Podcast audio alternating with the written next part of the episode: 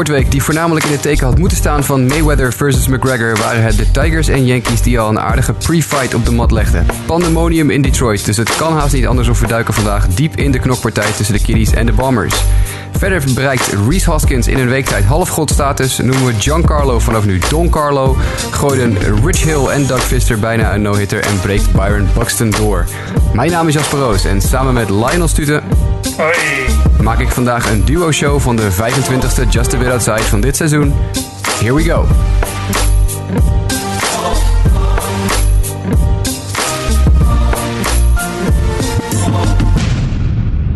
En dan openen we deze aflevering van Just a Bit Outside zoals altijd met het moment van de week. Lionel, heb jij in deze drukke week voor jou eh, ook nog momenten van de week in honkballand gezien? Ja, nee, absoluut. Ehm, het was wel voor mij natuurlijk inderdaad eh, druk, omdat er ook op allerlei andere vlakken van alles eh, gebeurde. Maar ik heb toch wel even het een en ander mee kunnen krijgen. En wat mij opviel was dat er een hele reeks debutanten allerlei home runs sloegen. Totdat ik erachter kwam wat nu eigenlijk uh, gaande was. Het was natuurlijk het, het player weekend met uh, bijnamen achterop. Dus het waren gewoon allerlei sterren die gewoon hun sterrenstatus verder uh, bevestigden. Giancarlo Stanton, we gaan het straks over hem hebben met een goede home run. Ik zag een mooie home run van Lindor op Lindor. Er was een fan met het shirt van Lindor aan die de home run van Lindor ving. En zo waren er nog wel een paar. Byron Buxton die de drie in één wedstrijd uitjaagt. de D-backs die de drie back-to-back-to-back tegen de Giants slaan. Het was, het was echt een, een, echt een player weekend weekend, uh, mag ik wel zeggen. Ja, het was zeer vermakelijk. Ik heb ook uh, genoten van de verschillende tenues. Ze waren allemaal uh, bijzonder kleurrijk. En uh, ja, het gaf toch wel een feestelijk element aan dit toch al vrolijke weekend. Ook, ook cleats die door spelers zelf ingekleurd werden en zo. Ik zag dat een van de spelers van de Nationals, volgens mij was dat Anthony Rendon, die komt uit Houston. En die had naar aanleiding van de overstromingen in Houston, had hij op zijn rechterkleed aan de achterkant op zijn schoenen stond de skyline van Houston. En op de linkerschoen stond het woord Houston. Om te laten zien dat hij dacht aan de mensen daar. Dus het was een, een, ja, een weekend waarin heel veel mocht en heel veel kon ineens. Inderdaad, een paar spelers die helemaal los gingen. Dat was inderdaad mooi om te zien. Uh, mijn uh, moment van de week was uh, iets eerder nog wel. dat was de vangbal van Bradley Zimmer. Die ja, op fabelachtige wijze over zijn schouder duikend naar achteren toe een, een, bal ving in, in het outfield voor de Cleveland Indians. dat was, ja, was fantastisch om te zien. Dat is waarom je honkbal kijkt. En daarnaast natuurlijk, ja, we gaan het er uitgebreid over hebben. Het zat al in de intro. De brawl tussen de Yankees en de Tigers. Dat was toch echt wel ook een momentje waar ik een paar uur mee bezig ben geweest om uit te vogelen wat er allemaal aan de hand was. Uh, naast momenten van de week hebben we natuurlijk ook stats van de week. Lionel, laten we ze even doorlopen. Want we hebben natuurlijk ons wekelijkse Aaron Judge statje. Maar deze week geen strikeout stat, of wel? Nee, het, is even over met de strikeouts. Gelukkig maar voor Judge zal ik er maar bij zeggen. Hij had zowel op de 22e op de 25, als op de 25e is een keer niet te maken met een strikeout. Dus uh, voor hem uh, na 37 wedstrijden op rij was dat ook wel eens lekker natuurlijk. Maar aan de andere kant is zijn, zijn OPS is, door de ondergrens gezakt. Hè? Hij, of tenminste de ondergrens, voor hem de ondergrens. hij is voor het eerst sinds 27 april onder de 1.00 gekomen. Ja, inderdaad. Voor het eerst je on-base plus sluggage bij Aaron Judge onder de, nou ja, de quote-unquote 1000. Dus een OPS on-base plus slugging, dat geeft aan Hè? Hoeveel, hoeveel uh, power en hoe vaak je op het honk bent gecombineerd in één statje. Duizend is supergoed. En het is nog steeds natuurlijk, Aaron Judge heeft een magistrale eerste helft van het seizoen gehad. Uh, maar ja, hij is nu inderdaad voor het eerst sinds eind april onder de duizend. En dit is uh, ja, toch wel even iets om in de gaten te houden, lijkt me. Ja, dat denk ik ook wel. Nou is dit natuurlijk ook wel een enigszins een moeilijke stat, omdat het natuurlijk een gecombineerde stat is. Hè, maar dat neemt niet weg dat hij dus inderdaad gewoon, uh, ja, dit zal hem toch wel even raken. Want het was natuurlijk een hoop positiviteit rond hem tot aan het All-Star weekend. En het is nu even wat minder geweest. Het lijkt er nu op dat hij er een beetje uitkrabbelt, maar het is voor hem toch wel zaak om ook echt weer terug te komen naar die topvorm, lijkt me. Ja, ja, het gaat niet goed met hem. En, uh, en ik denk dat hij ook uh, concurrentie heeft nu op verschillende andere gebieden. Want er werd natuurlijk begin van het jaar bij de Yankees-fans vooral heel erg geroepen... oh, hij is de MVP, hij is de MVP. Nou, ik denk dat er toch nog een, uh, een kans is dat, dat Mike Trout ja, hem toch nog in gaat halen. Het deed mij een beetje denken aan een, de, een willekeurige race van The Freeze... waar wij het eerder dit jaar een paar keer over gehad hebben. Dat in eerste instantie is, was Aaron Judge een beetje de fan... die zo'n enorme voorsprong had. Maar dan komt altijd toch The Freeze met een noodgang eraan... en gaat hij er uiteindelijk overheen. Dat vond ik wel een analogie die een beetje uh, doet denken aan deze MVP-race. Want Judge wordt gewoon eigenlijk ingehaald op dit moment door Mike Trout. Absoluut. Dus, uh, absoluut. Ja, dat... de, de wet van de remmende voorsprong, hè? Ja, zeker voor Judge wel. Uh, het tegenovergestelde van de, als we het over remmende voorsprong hebben, is dat team dat in Miami loopt te ballen, de Miami Marlins, die ineens plotseling sinds eind mei het op 2 na beste record in de majors hebben. Lees ik dat goed? Ja, ik, ik hoorde het ook. Hè. De Dodgers en de Nationals zetten er nog net voor. Nou ja, niet, op, niet echt verrassend natuurlijk dat we het dan over de Dodgers en de Nationals hebben als het over de beste records gaat. En de Indians doen het ongeveer gelijk aan de Marlins. Maar de Marlins hebben dus in de schaduw van die drie grote teams hebben zij het goed gedaan. En de Indians komen natuurlijk uit de EL, de andere twee uit de NL. Dat wel even erbij gezegd. Maar ja, opvallend. Ja, ik, ik zat er ook even naar te kijken van de week. Ik had dit totaal niet door. Ik had het echt, echt totaal niet door. Zitten wel goede spelers natuurlijk bij de Marlins. Giancarlo, gaan we het nog over hebben zo meteen. Die doet echt hele bizarre dingen. Maar ook in de pitching staff. Dan Straley doet het ineens heel goed. Jou, jou wel bekend nog. Absoluut. Dan Straley, voormalig Cincinnati Red. Maar ineens uh, een winnings, winstpercentage van 5,88 van de Marlins vanaf uh, eind mei. Ik vind dat heel opvallend. Kunnen we nog, kunnen we nog wat van de Marlins verwachten, denk je, in de wildcard race in de NL? Ja, moeilijk in te schatten. Als zij natuurlijk, kijk, je weet niet wanneer het lijntje breekt. Uh, aan het begin, want aan de andere kant kan je zeggen natuurlijk, uh, de maanden april en mei zijn niet zo heel goed geweest. Dus het is een beetje een team met twee gezichten. En ze hebben het nu drie maanden achter elkaar heel sterk gedaan. Maar misschien dat naar het einde toe weer een beetje regressie te zien zal zijn. Is, is, is niet goed in te schatten wat je hiervan moet verwachten. Als zij deze vorm kunnen vasthouden, zeg ik van goede kans om in ieder geval voorbij die wildcard game te komen. gaat het fout, dan is het misschien wel na één wedstrijdje alweer afgelopen. Ja, nou, wat betreft uh, de, tegenstand is het misschien nog wel even handig om te vermelden dat hun directe concurrenten voor de NL Wildcard, dat zijn de Arizona Diamondbacks en de Colorado Rockies, uh, die krijgen ze nog op bezoek. Of daar gaan ze in ieder geval nog heen. Daar wordt nog gespeeld tussen de Miami Marlins en de Rockies en de Miami Marlins en de Arizona Diamondbacks. En de Rockies en de Diamondbacks zijn uh, verre van in vorm op dit moment. Dat ziet er allemaal veel minder swingend uit dan, dan Miami. En dat dus maakt het ook een goede test, hè? Dat maakt ja, het ook een goede test, absoluut. Als, als ze die kunnen doorstaan, denk ik dat er nog wel een mogelijkheid is dat de Miami Marlins ineens hele gekke dingen doen. En dat absoluut. zou eh, heel bizar zijn, want dan zouden ze, stel je voor, ze halen de playoffs. En nog veel gekker, ze halen de World Series. Dat lijkt me dan wel wat minder voor de hand liggend. Maar in ieder geval de playoffs. Dan hebben ze sowieso in het eerste jaar dat Jeffrey, Jeffrey Loria um, de baas was daar. En in het laatste jaar dat Jeffrey Loria de baas was daar.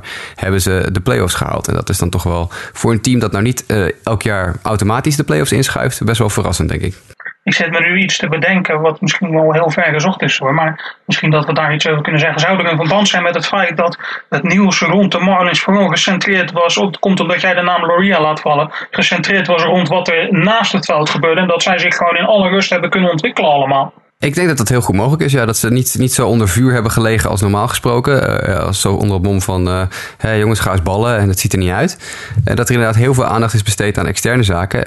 er werd gesuggereerd op Twitter, onder andere door een van onze luisteraars, dat het misschien het Jeter-effect was. Maar ja, goed, dit loopt al veel eerder dan dat, dan dat Jeter de baas werd daar. Want eind mei was Jeter nog niet uitgeroepen tot nieuwe chef Marlins. dus ik denk niet dat het met Jeter te maken heeft, maar het kan zeker wel te maken hebben met het feit dat er een soort bliksemafleider naast het veld geweest is. Ja, in de vorm van die hele, hè, wat wij altijd uh, as the Marlins turn uh, noemden. Ja, absoluut. absoluut. Ik denk dat dat best wel eens zou kunnen. Ja, hartstikke goed. Een leuk team, uh, jong team nog. Dus inderdaad, misschien is die ontwikkeling nu wel een keer vorm aan het krijgen. Uh, wie geen ontwikkeling meer nodig heeft, maar toch wel even de moeite van het vermelden waard is in de statistiekenrubriekje Joey Votto. Die uh, afgelopen zondag, dit is echt heel bizar, officieel op papier nul slagbeurten had. Want hij kwam vijf keer naar de plaat en had vijf keer vier wijd. En zag maar liefst 43 pitches. Nou ja, we weten allemaal dat, dat jij, Lionel, uh, niet alleen voorzitter van de Joey Votto fanclub bent, maar inmiddels ook secretaris en penningmeester.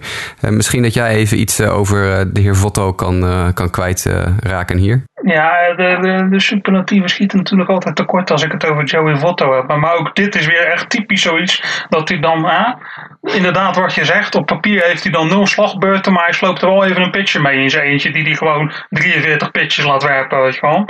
Het is, ja, wat, wat moet je daar nou op zeggen? Weet je? Die man is gewoon, ja, het is gewoon eigenlijk iets bijzonders. Het is gewoon een hele afwijkende speler van alles wat je verder in de Major League ziet rondlopen. En daar heb je er een paar van die iets bijzonders hebben op een of andere wijze. En hij is er daar gewoon één van. Ik vind dit echt, uh, ja, echt weer typisch iets wat in, in zijn, zijn straatje past. Zo'n uh, zo'n middag. Ja, zo wat 8,5 pitch per slagbeurt is dat natuurlijk. Het slaat, slaat helemaal nergens op. Dat, dat, er, zijn, er zijn mensen die, er zijn slagmans, slagmensen in de VS die in een week niet acht, slag, acht, slag, acht pitches zien. Uh, laat staan per slagbeurt acht pitches zien. Dat is uh, fantastisch. Uh, petje af weer voor Joey Votto. Het zou toch mooi zijn als hij weer een keer op een wat groter podium kan laten zien wat hij waard is. Ja, oh, niks van. Hij blijft lekker in Cincinnati. ja, niks groter podium. ja, nou goed. Laten we dan maar hopen dat de Cincinnati Reds nog heel snel een, een rebuildje doen. En vlak voordat Votto met pensioen gaat, dat hij nog een keer de playoffs haalt. Dat lijkt dat me dan, mooi. dat lijkt me mooi. Uh, en als laatste statje van de week, uh, ja, dit is het uh, hoofdschuddend statje van de week. De Seattle Mariners die afgelopen zondag in de eerste inning vijf errors op het bord lieten schrijven. het was een hele bizarre wedstrijd sowieso, maar goed, vijf innings in een wedstrijd. In een, in een wedstrijd is al veel, laat staan in een inning. Uh, vijf errors in een inning. Uh, dat is echt, uh, ja, dat, dat, dat, ja, nou goed. Wat moeten, we, wat moeten we hier nou mee? Moeten we de Mariners nog serieus nemen? Nee, ik weet het niet. Het klinkt een beetje alsof ze die springkanen die ze normaal bakken nu op het veld hadden gegooid. Hè? Dat iedereen de weg kwijt was. dit is natuurlijk ja. helemaal niks dit. nou ja, vooraf was er weer zoals ieder jaar weer het, het gebruikelijke verhaaltje. Van, nou, dit jaar gaat het te moorden hoor. Dit jaar gaat het te moorden, maar ik betwijfel het. Je weet het niet, maar ik betwijfel het. Nee, nou ja, goed. Laten we de Mariners dan maar eventjes in een uh, springhanenvet gaar koken.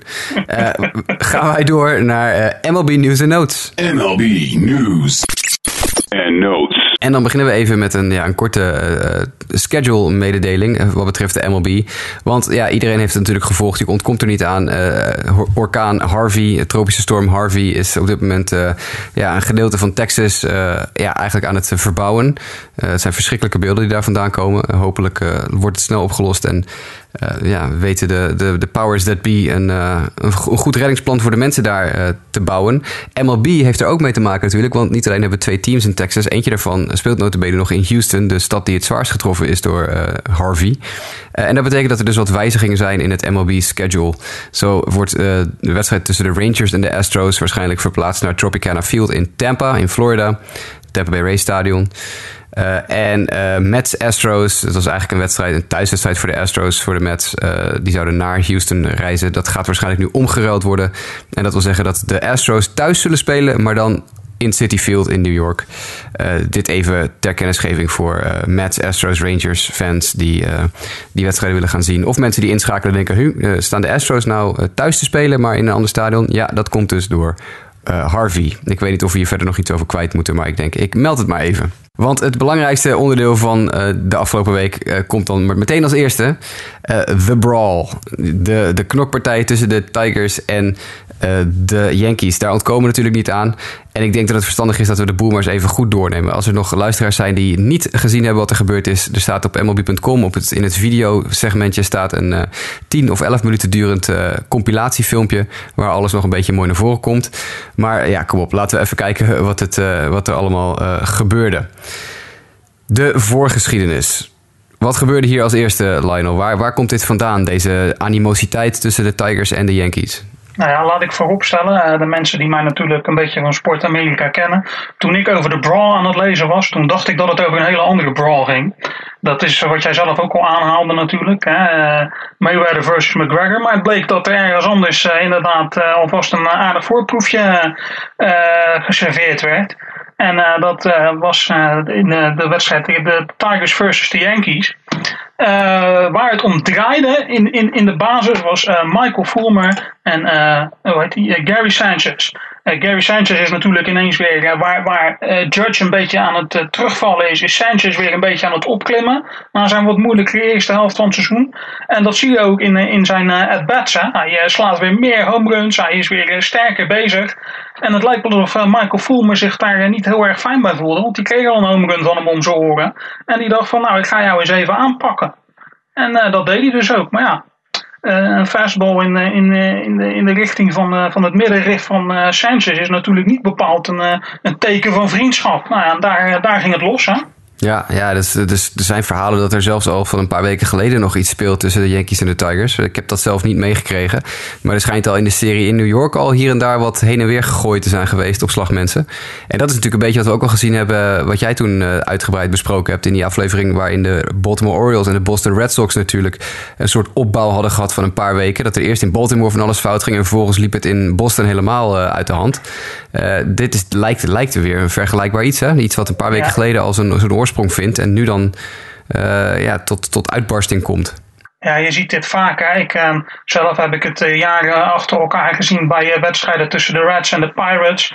Daar is ook, er gebeurt dan ooit eens een keer iets, bewust of onbewust. En ja, dat, dat bouwt zich dan een beetje op. Zeker als er niet direct iets ge gebeurt. Zeg maar. Als er niet direct een actie wordt ondernomen of iets dergelijks, dan blijft dat een beetje broeien. En een pitcher denkt dan van, nou, ik pak jou nog wel een keer. En een slagman denkt van, nou, ik zal eens proberen op je hoofd te mikken. En voor je het weet, krijg je dit soort dingen. En het lijkt erop. Ik ik heb dit zelf ook niet eerder meegekregen dat dit gaande was. Hoor. En ik denk met ons velen niet, want je hebt er ook niet echt heel veel uh, verslaggeving over voorbij zien komen. Het leek een beetje uit het niets te komen, maar het blijkt dus waarschijnlijk niet zo te zijn dat dit inderdaad al een aantal weken gaande was. Ja, nou ja, en dan krijg je dus de situatie waarin Fulmer inderdaad Gary Sanchez een, uh, een pitch richting zijn lichaam uh, werpt.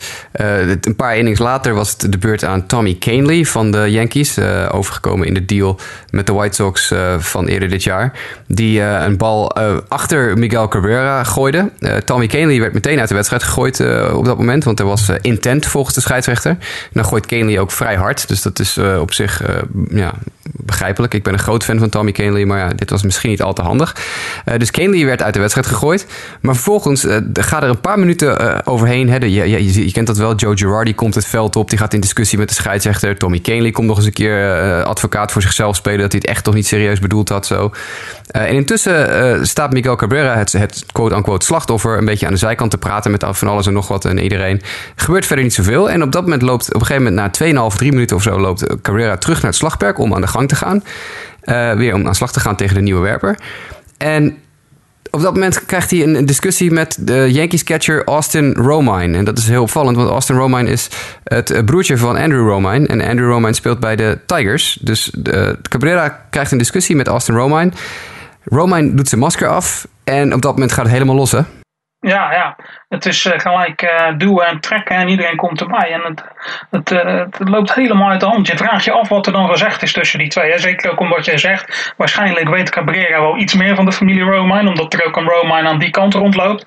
Maar, ja, maar ja, het, het, ging, het liep gelijk helemaal uit de hand. En de, de banken leeg, hè? benches zoals ze dat dan zeggen. En daar gingen we met z'n allen. En uh, er waren dan een paar, er lopen toch wel een paar beren bij de Yankees rond. En uh, die lieten zich ook van hun slechtste kant zien dan gelijk weer. Hè. Ik, uh, Gary Sanchez kunnen we het toch nog wel even over hebben zo. Maar ja, niet echt bepaald reclame voor het honkbal natuurlijk op deze manier. Dus niet, niet waar je voor kijkt. Nee, het was ook meteen inderdaad uh, swingen met die vuisten. Want zowel Cabrera, vooral Cabrera, maar ook Romine... die toch een, uh, ja, een aantal vuistzwaaien uitdelen richting elkaar. Nou, binnen no time heb je natuurlijk uh, allebei de teams op het veld. Iedereen begint over elkaar heen te rollen. En wat je al zegt, duwen, trekken enzovoort. En dan komt inderdaad Gary Sanchez het veld opgerend. Gary Sanchez die... met een soort van, ja, ik kan het niet anders dan een sucker punch noemen. Uh, richting uh, Cabrera en richting Castellanos komt. En inderdaad, terwijl ik geloof Castellanos op de grond ligt, met zijn vuist eventjes stevig op hem in begint te beuken. Uh, en dat is natuurlijk uh, niet de bedoeling. Sowieso is vechten op, op een honkbalveld al niet altijd de bedoeling. Maar dit was wel heel extreem. Iemand die op de grond ligt, ga je natuurlijk niet nog even een stevig potje in elkaar beuken. Dat is, daar zijn zelfs bij UFC zijn daar regels voor. En hier ging Kerry Sanchez even helemaal los. En ja, toen moest dus ook Sanchez het bekopen met een ejection. Uh, Cabrera uiteraard ook verwijderd uit de wedstrijd. Austin Romine uit de wedstrijd gegooid. Ondanks dat Romine eigenlijk niet zo heel super gek veel fout deed. Want ja, die verdedigde alleen zichzelf tegen die enorme Cabrera. En dan denk je, het is voorbij. Hè? De, de vier mensen eruit gegooid, uiteindelijk alles met elkaar. Dan denk je, nou, nu is het, nu is het wel afgelopen. Maar twee innings later was het, of een inning later was het weer raak. Ja, nee, dat klopt. Ja, het is ook wat, wat eigenlijk nog wel belangrijk is om aan, de, aan het eerste deel te vermelden. Wat ik persoonlijk vind is dat vooral mensen Cabrera en ook Sanchez, hoe jong die is, dit zijn wel mannen van enige statuur en zo. En ik vind, zij moeten zich hier niet in mengen, weet je wel. Dit zijn mensen die een beetje boegbeelden moeten zijn. Die moeten toch niet over de grond liggen te rollen met een vuist aan het zwaaien zijn. Uh, daar ben je toch niet van aangenomen. Nee, Maar goed. Nou ja, Mickey Cabrera is natuurlijk eigenlijk een heel, uh, heel rustig, vriendelijk mens over het algemeen. Die staat bekend om zijn, uh, zijn bijna kinderlijke plezier dat hij in het spelletje honkbal heeft. Die is eigenlijk nooit betrokken bij dit soort dingen. Hij heeft natuurlijk wel echt een snertseizoen. Echt misschien wel het slechtste seizoen uit zijn carrière. Dus misschien dat de irritatie een beetje hoog zat bij hem. Maar verder heel opvallend dat hij juist de persoon is die deze hele situatie aanzwengelt. Ja, daar zeg je zo wat. Had ik, zo had ik het helemaal niet bekeken. Maar daar heb je inderdaad natuurlijk helemaal gelijk in. Dus dat maakt het inderdaad alleen maar nog meer. Juist omdat hij altijd een man is hè, waar de positieve kant van uitgaat, is het zonde dat ze hier dan in betrokken raken. Dit soort mannen moeten dit helemaal niet doen. Maar goed, nee, uh, we gaan naar de zevende inning. Want je denkt het is afgelopen, maar dat is nog niet zo. De zevende inning uh, slaat de vlam opnieuw in de pan. Uh, Dylan Betances is inmiddels uh, erop gekomen. En uh, Dylan Betances die denkt van, nou ja, weet je wat ik doe? Ik ga eens proberen James McCann met een fastball op zijn hoofd te raken. En dat lukt hem vrij aardig. En ja, daar gingen we weer. Ja, de Dellen Betenses gooit natuurlijk behoorlijk hard. Die gooit een mijltje of 98 per uur. En die klapt inderdaad, uh, ja, dat was een fastball vol op McCann's helmet. McCann gaat natuurlijk neer, maar ja, een vrij eh, badass catcher dat hij is, eh, staat hij meteen weer op. Maar ja, op dat moment is het natuurlijk al meteen weer raak. Uh, de scheidsrechter gooit op dat moment wel direct Dellen Betenses ook uit de wedstrijd. Is het daar totaal niet mee eens. De Betenses claimde dat het een curveball was waarmee hij hem raakte. Nou, gooi mij een 98 mijl per uur curveball. En, Dit was absoluut geen curveball. Het slaat helemaal nergens op. maar goed, hij wordt uit de wedstrijd gestuurd. Weer spelers op het veld, duwen, trekken enzovoort. Nog meer ellende. Uh, uh, Rob Thompson, de benchcoach van de Yankees, komt het veld nog op. Die wordt ook uit de wedstrijd gestuurd. Ja, kortom, weer twee erbij. En dan denk je, nou, het is nu al voorbij. En Betense wordt eraf gehaald en David Robertson komt op de heuvel. Maar ook Robertson was niet geheel uh, zonder fouten hier. Nou, ik denk van, nou ja, we zijn nu toch lekker bezig. Laat ik het ook eens proberen. En die, die raakt John Hicks, hij raakt hem vol op zijn hand. Maar het gekke is, het bleef eigenlijk even een klein beetje rustig. Want iedereen had het idee dat dit een, een, een per ongeluk actie was. Wat desondanks nog steeds heel raar is. Dat ook al zou het per ongeluk zijn dat gezien de verhitte, verhitte gemoederen iedereen gewoon rustig bleef zitten. Maar goed, het leek een beetje rustig te blijven. Er volgde ook geen ejections, niks. Dus je dacht van, nou, misschien wordt het nu wat rustiger en kunnen we gewoon die wedstrijd uitspelen. Het stond ook 6-6, het was behoorlijk spannend. Laten we dat niet vergeten. En... Uh, ja, het leek erop dat de wedstrijd eindelijk onder controle was. Maar eh, dat, ja, dat bleek niet zo te zijn, hè? Nee, het, uh, het, was inderdaad meteen weer raak in de, in de, de inning erna. Toen werper Alex Wilson van de Detroit Tigers uh, Todd Frazier een fastball in zijn ribben parkeerde. Uh, en uh, ook Alex Wilson mocht toen indrukken. En natuurlijk ook manager Brad Osmus van de Tigers op dat moment. Omdat ja, er zijn waarschuwingen uitgedeeld. En op het moment dat er dan een werper weer uh, iemand raakt... dan is het zowel voor de werper als voor de manager in kwestie einde wedstrijd. Dus ook Alex Wilson en Brad Osmus mochten inrukken. dat betekent dat je aan het eind van de rit op zo'n acht ejections kwam te staan. De wedstrijd werd gewonnen door de Tigers. dankzij onder andere een bom, bom van een home run van James McCann. Die dus even wraak nam voor de, de bal van Betances op zijn helm. Want een later sloeg hij een, echt een bom van een home run. En de Tigers wonnen uiteindelijk met, uh, ik geloof, 10-6. Uh, maar ja, uh, acht ejections later was het natuurlijk wel een groot feest in, in Detroit. En MLB heeft inmiddels ook uitspraak gedaan in al deze zaken. Er zijn behoorlijk wat schorsingen uitgedeeld. Uh, zo kunnen we een tijdje niet beschikken. Overigens zijn alle schorsingen zijn beroep tegen, tegen aangetekend, geloof ik. Dus wat dat betreft, uh, als je denkt van... hé, hey, ze waren toch geschorst, waarom speelde Miguel Cabrera gisteren dan nog? Nou, dat was natuurlijk omdat zijn appeal nog loopt. Maar Miguel Cabrera heeft zeven wedstrijden schorsing gehad... als aanstichter van het gedoe. Tigers reliever Alex Wilson heeft er vier gekregen... voor het opzettelijk op Todd Frazier gooien. Brad Osmus heeft één wedstrijd schorsing gekregen. Gary Sanchez aan de Yankees kant heeft vier wedstrijden schorsing gekregen. Dat vond ik weinig. Ik weet niet of jij daar uh, zelf uh, hetzelfde over denkt, maar ik, ik vond dat uh, licht, als ik heel eerlijk ben. Nou, als je kijkt, als je al deze vergrijpen bij elkaar zet, dan is het, is een beetje een lastige situatie. Want zijn vergrijp is geen wedstrijdsituatie. Maar aan de andere kant is zijn vergrijp is een soort, ja, boxers zouden er jaloers op zijn als ze zo'n stoot in huis hadden. En dat vind ik eigenlijk, voor mij persoonlijk, zou dat reden zijn om juist de schorsing zwaarder te maken. Maar blijkbaar wordt daar binnen MLB-labels dan toch weer een klein beetje anders over gedacht. Als jij niet uh, opzettelijk in een wedstrijdsituatie natuurlijk iemand probeert te bezeren, dan wordt dat blijkbaar anders beoordeeld dan uh, wanneer jij dat wel doet. Ja, nee, hij komt natuurlijk het veld oprennen uit de dugout en slaat vervolgens een paar keer ja. iemand die op de grond ligt. Wat mij betreft is dat gewoon teamwedstrijden en praten we er niet meer over. Absoluut. Maar goed, blijkbaar vindt MLB vier wedstrijden genoeg. Austin Roman krijgt er dan twee, wat echt geschift is. Want de enige, uh, Austin Roman heeft ten eerste geen klappen uitgedeeld. Die heeft alleen uh, lucht geraakt in zijn swings. Uh, maar die was zichzelf aan het verdedigen tegen Miguel Cabrera, die het hele verhaal begon. En dan krijgt hij de helft van het aantal wedstrijden dat Gary Sanchez krijgt. Nou, dat is totaal niet. Ja, maar niet... Dat, dat, dat staat dus in de spelregels. Hè? Het is, misschien dat je je dit nog kan herinneren, is een klein beetje een zijstap. Maar weet je nog dat ooit is. Uh, ik weet even niet meer hoe die jongen heet. Die keeper van AZ, die door die fan uit het publiek oh, tegen Ajax werd aangevallen. Juist. Nee, die, die, die daarna kwam. Esteban, uh, Esteban heette Esteban, die, geloof ik, die jongen. En uh, die verdedigde zich ook en die trapte daarna na. En in de regels van vrijwel alle sporten staat dat dat niet mag. Dus in, op die wijze wordt dat dan beoordeeld. Ook al verdedig jij jezelf, je mag niet meer doen dan nodig is. Dus blijkbaar vindt de MLB dat uh, onze Austin Roman toch iets te ver is doorgegaan. Ook al raakte hij niemand, dan krijgt hij toch twee ja, wedstrijden aan. Dat moet wegrennen of zo. Nou ja, goed. Ja, blijkbaar. Uh, hoe dan ook, bij de Yankees werden er verder ook nog wat boetes uitgedeeld. Joe Girardi, benchcoach Rob Thompson outfielder Brad Gardner, die, ook helemaal door het lint ging. In geloof, ik geloof in de derde van de drie brawls. Dat is echt, nou, het is hilarisch om te zien, want CC Sabathia staat ernaast en die komt niet meer bij van het lachen. Dat is wel de moeite van het opzoeken even waard. Uh, de CC kwam niet meer bij, want Brad Gardner gaat helemaal door het lint. Maar goed, Gardner krijgt daar dus een boete voor. Uh, Tommy Canley heeft uiteraard een boete gehad, want die heeft iemand op zijn sodemieter gegooid. En ook Tigers kortstop Jose Iglesias hebben een uh, boete gekregen. Daarnaast uh, Yankees eerste honkman Garrett Cooper en outfielder Clint Frazier kregen een boete voor het op het veld verschijnen. want dat mag niet in hun geval. Kortom. Zij stonden op de disabled list, hè? Ja, precies. En Ja, mensen die op de disabled list staan, die mogen niet het veld opkomen als er iets eh, als er gedonder is, gedonder is, want dan krijg je een boete. Nou, Tja. Cabrera en Wilson hebben inderdaad eh, beroep aangetekend, eh, vertelde Osmus. Osmus zelf heeft wel zijn schorsing uitgezeten inmiddels al.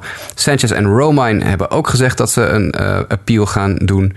Eh, en dat, ik denk dat dat, ja, dat wordt dus gedaan omdat eh, 1 september de roster eh, uitbreiding gedaan wordt. Hè, dan mogen er eh, veel meer spelers aan het roster toegevoegd worden voor alle Major League teams. Dus ik denk dat vooral de Yankees er baat bij hebben om deze schorsingen zo lang mogelijk uit te stellen. Zodat ze eh, de plekken van deze spelers kunnen opvullen na de roster expansion van 1 september. Dat was een heel verhaal. Maar het was dan ook een eh, heel interessante situatie, om maar zo maar even te zeggen. Heb jij ook nog toevallig gezien het ge- gedonder in de Tigers dugout na, na afloop van deze knokpartij? Is dat dat gedoe rondom Martinez? Ja, Ik heb er wel over gehoord, maar ik eh, heb niet de beelden gezien. Dus misschien dat je daar iets meer over kan vertellen.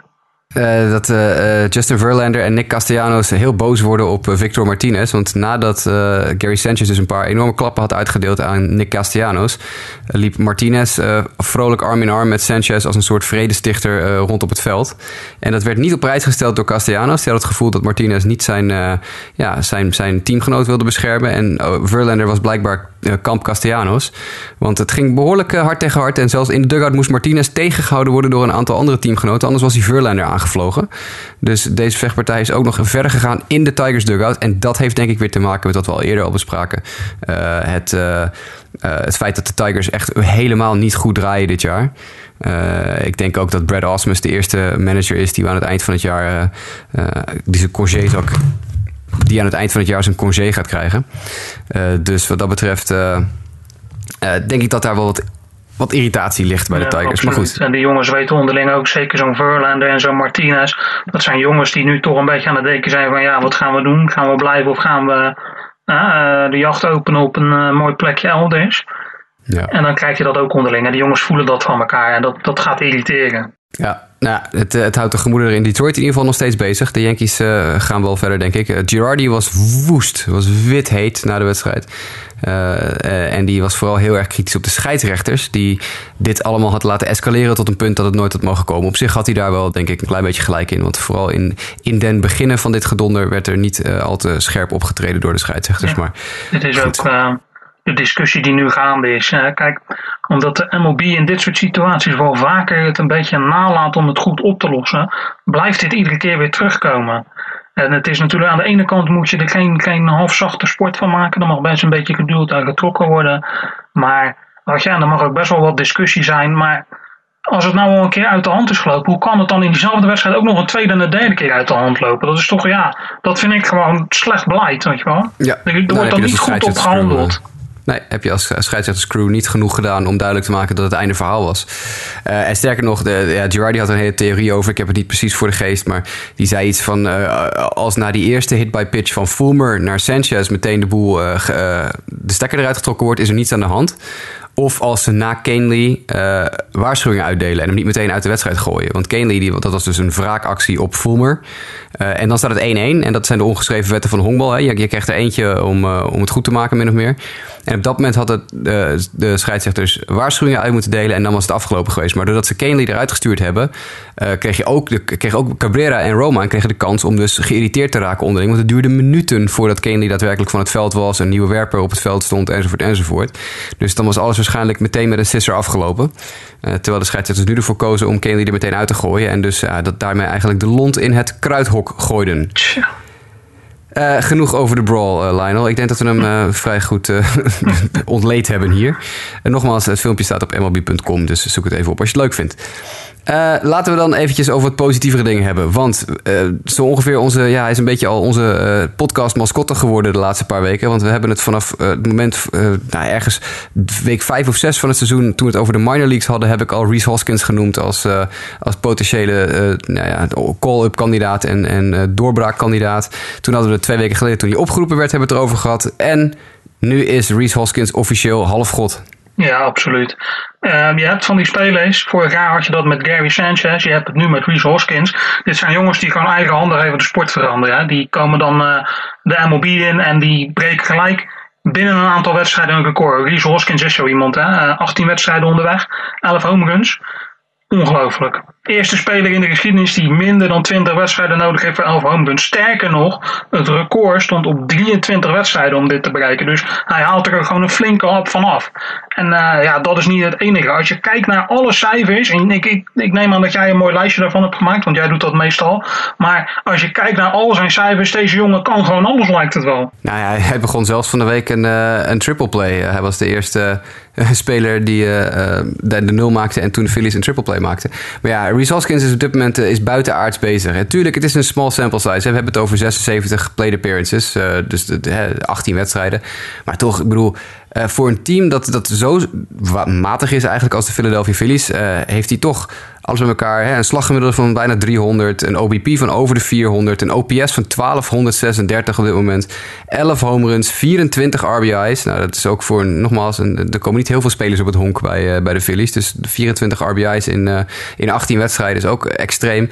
En wat vooral opvalt, en dat was uh, iets wat ik ook op Twitter zag staan van de week, is zijn plate discipline is echt ongelooflijk. Hij kan een at-bat bijna naar zijn hand zetten. Hij ziet op dit moment gemiddeld 4,53 pitches per slagbeurt.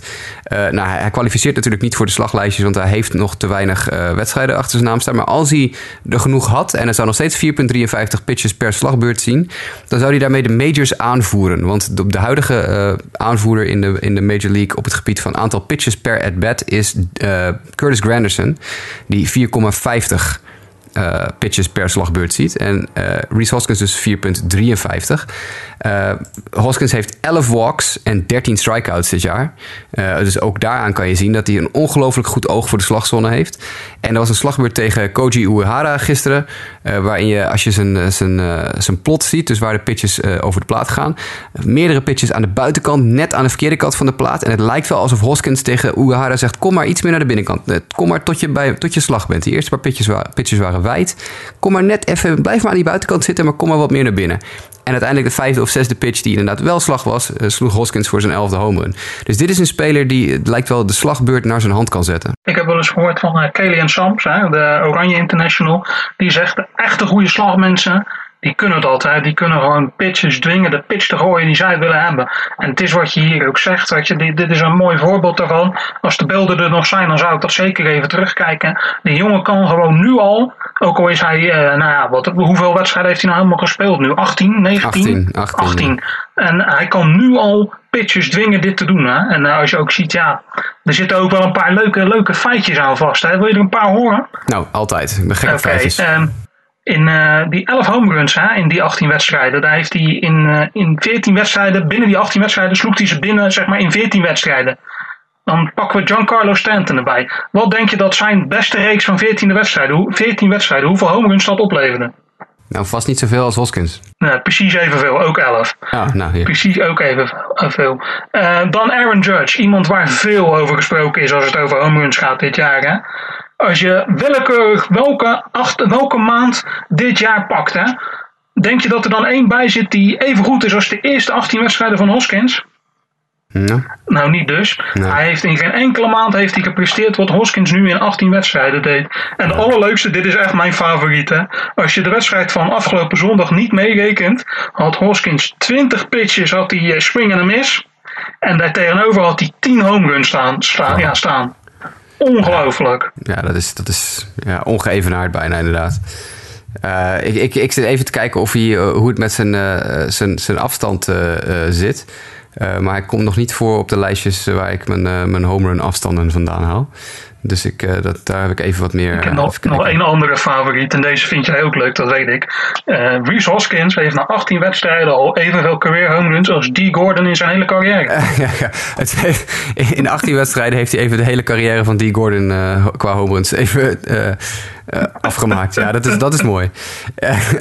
Ik heb inmiddels een lijstje met home run distances gevonden. En met, met exit velocity, waar we het ook wel eens over hebben. hè, Dat de, de snelheid waarmee de bal van de knuppel afkomt.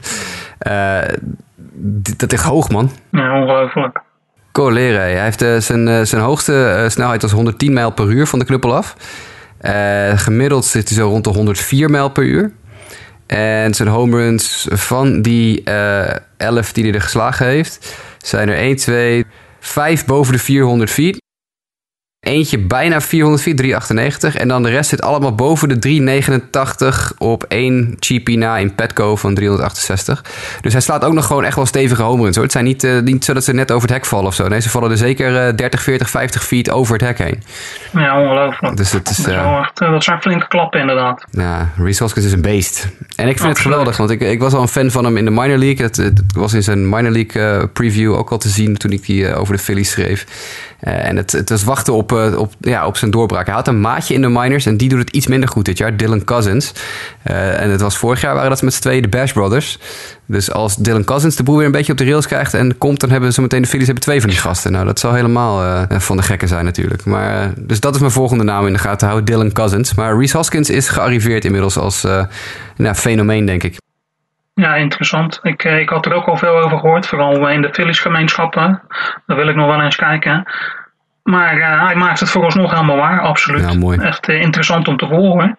Gaan we meteen door naar de volgende slugger. Want eh, ja, Giancarlo Stanton heeft het eindelijk voor elkaar. Hè? Twee weken geleden eh, sloeg hij de, eh, zijn 7 of 38ste. Toen hadden we het erover dat hij het Marlins record had eh, verbroken. En toen vroeg Mike nog van, denken jullie dat, ze, dat hij de 50 gaat halen? Nou, daar waren wij op zich wel redelijk positief over. We hadden wel een vermoeden dat hij dat zou kunnen gaan halen. En nu heeft hij het eindelijk voor elkaar, hè? Ja, nou ja, eindelijk voor elkaar. Als ik heel eerlijk ben, is hij er veel eerder dan ik had kunnen denken. Ik denk van nou, toen Mike dat vroeg, dacht ik misschien dat hij het zo in de laatste week moet net lukken. Maar ja, eh, het is eh, op het moment dat we dit opnemen 28 augustus en hij is er al, hè?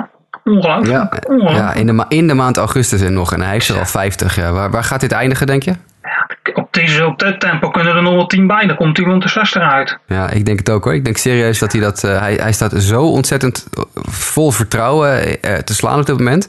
En natuurlijk die hele kleine aanpassing gedaan in zijn swing, waar wel wat over gezegd is al eerder dit seizoen. Hij staat zo ontzettend vol vertrouwen daar te slaan. De- ik denk dat er een kans is dat hij 60 haalt. Ja. Dat, dat zou ik wel heel, heel gaaf vinden. Absoluut. Ehm, hij was overigens de eerste National League speler die er 50 heeft geslagen sinds wie? Poeh, daar vraag je me wat. Ehm, ik wil zeggen Andrew Jones, maar ik denk Prince Fielder. Ja, Prince Fielder is inderdaad correct. En eh, voor de mensen thuis, dit was niet van tevoren opgezocht. Want eh, Lionel wist niet dat ik dat hem ging vragen. Nee, Het absoluut. is, het is inderdaad eh, Prince Fielder die, die ja, de, laatste en- National Andrew Jones was. dan een, een jaartje daarvoor, denk ik. Ik denk dat het wel langer ook geleden is. 51, 52 kwam die uit. Dat is een goede vraag. Dat gaan we even opzoeken snel. Eh, ik weet, eh, eh, hoe vaak is Andrew de 50 eh, overgegaan? Ja, volgens mij maar één of twee keer. 51 in 2005. Ja, en het dingetje Prince Fielder was in 2006, Dat- 2007. Dat was denk ik 2007. We zullen even kijken. Hij had er 50 in 2007. Ja. Nou ja, En toen is hij er nog één keer in de buurt gekomen met 46 in 2009. Maar eh, daarna was het eh, eh, einde verhaal met Prince. Maar nu dus Giancarlo Stanton, of zo hoe die genoemd wordt in sommige media-outlets. Don Carlo Stanton, want hij slaat dongs waar je u tegen zegt. dus ja, Giancarlo is, is, een fenomeen, hè? lang geleden dat we dit in de NL hebben gezien. Je hebt natuurlijk tijden gehad en al dan niet chemisch eh, bevoordeeld uh, dat er jongens waren die dit uh, jaar na jaar deden. Ja. Laatst jaar was het wel wat minder in de NL met, uh, met de lange klappen. Het is mooi om te zien dat we weer wat ja, weer echte powerhitters krijgen. Nu met, hè, met Judge en met Stanton, die natuurlijk al ja, eindelijk aan het inlossen is. Hè, die belofte die we het al jaren over hebben. Uh, maar ook nu met Reese Hoskins erbij. En er zijn nog wel wat meer gasten. Hè. Scooter Jeanette, powerhitter puur zang. dat, dat er toch weer wat NL-jongens bij komen die ook... vind ik inderdaad mooi om te zien. Absoluut, absoluut. Gaan we verder. En dan gaan we naar een, ja, een blokje, heel, heel raar blokje. We gaan naar een blokje no-hitters, bijna no-hitters en one-run games. Want Rich Hill gooide bijna een no-hitter van de week. Alleen het is hem net niet gelukt. Ja, lullig hè, Rich Hill. Ik ben, ik ben een fan van Rich Hill, laat dat even vooropgesteld worden. Ik vind het mooi dat iemand op latere leeftijd nog even de beste periode uit zijn carrière kan doormaken. In, in, een tijdperk waarin uh, het ene talent het andere talent komt aflossen omdat je op je 22 e al te oud bent, vind ik het mooi dat dan iemand als Rich Hill nog dit soort prestaties neerzet. Rich Hill deze week ging goed door de wedstrijd heen. Hè? Het was tegen de Pirates.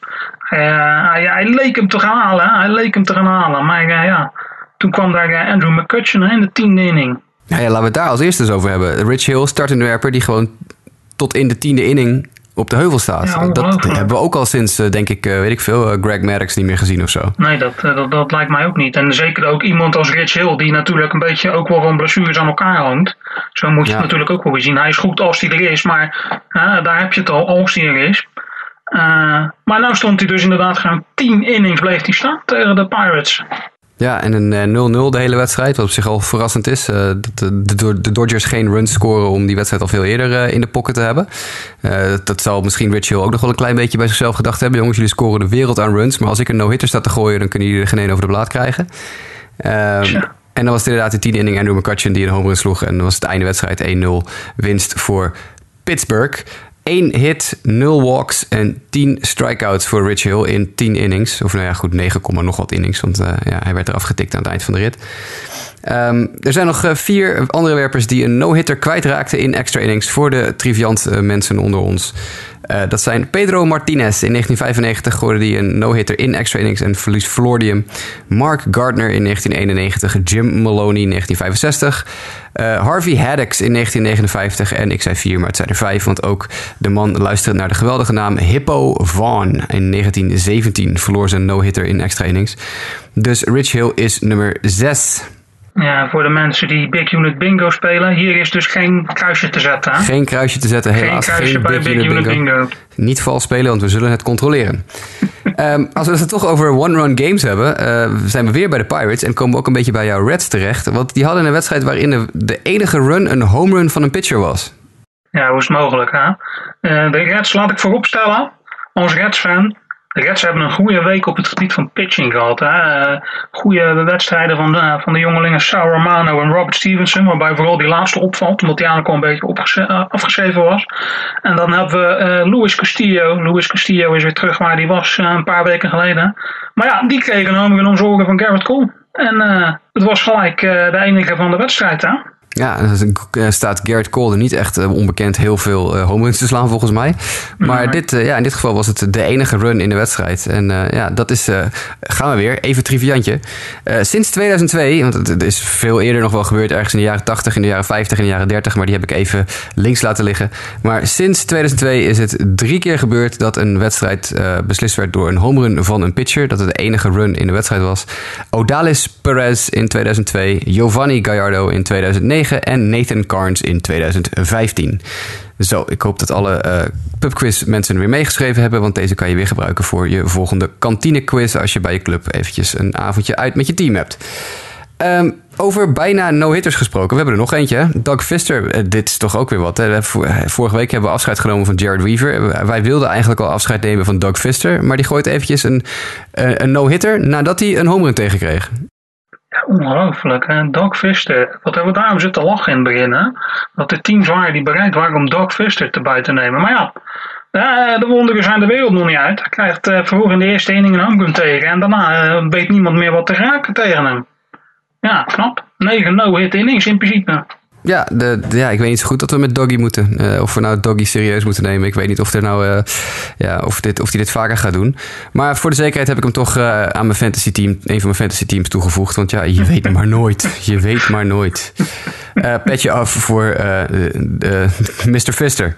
Zoals hij door Tigers fans nog steeds genoemd wordt. Stond dat ook op zijn shirt? Dat had hij niet op zijn shirt. Nee, ik weet niet wat hij wel op zijn shirt had. Maar dat, volgens mij had hij dat niet op zijn shirt. Nee, dat mag vast niet van MLB. Ik denk, nee, ik zit er net aan te denken. Ik denk, uh, dat zal de MLB vast niet goed gekeurd Ik denk het ook niet, nee.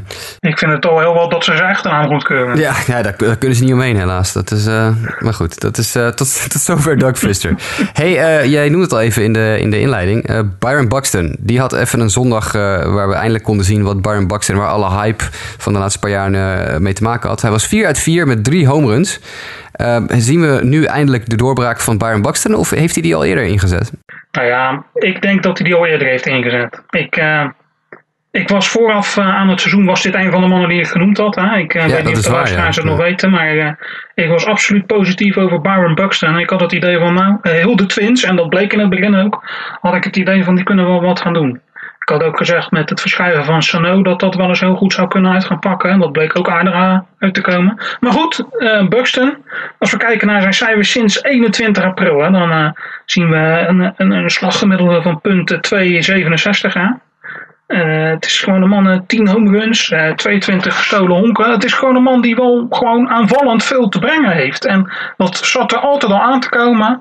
En het komt er nu gewoon uit. Absoluut. Ik denk dat hij nog beter kan halen persoonlijk.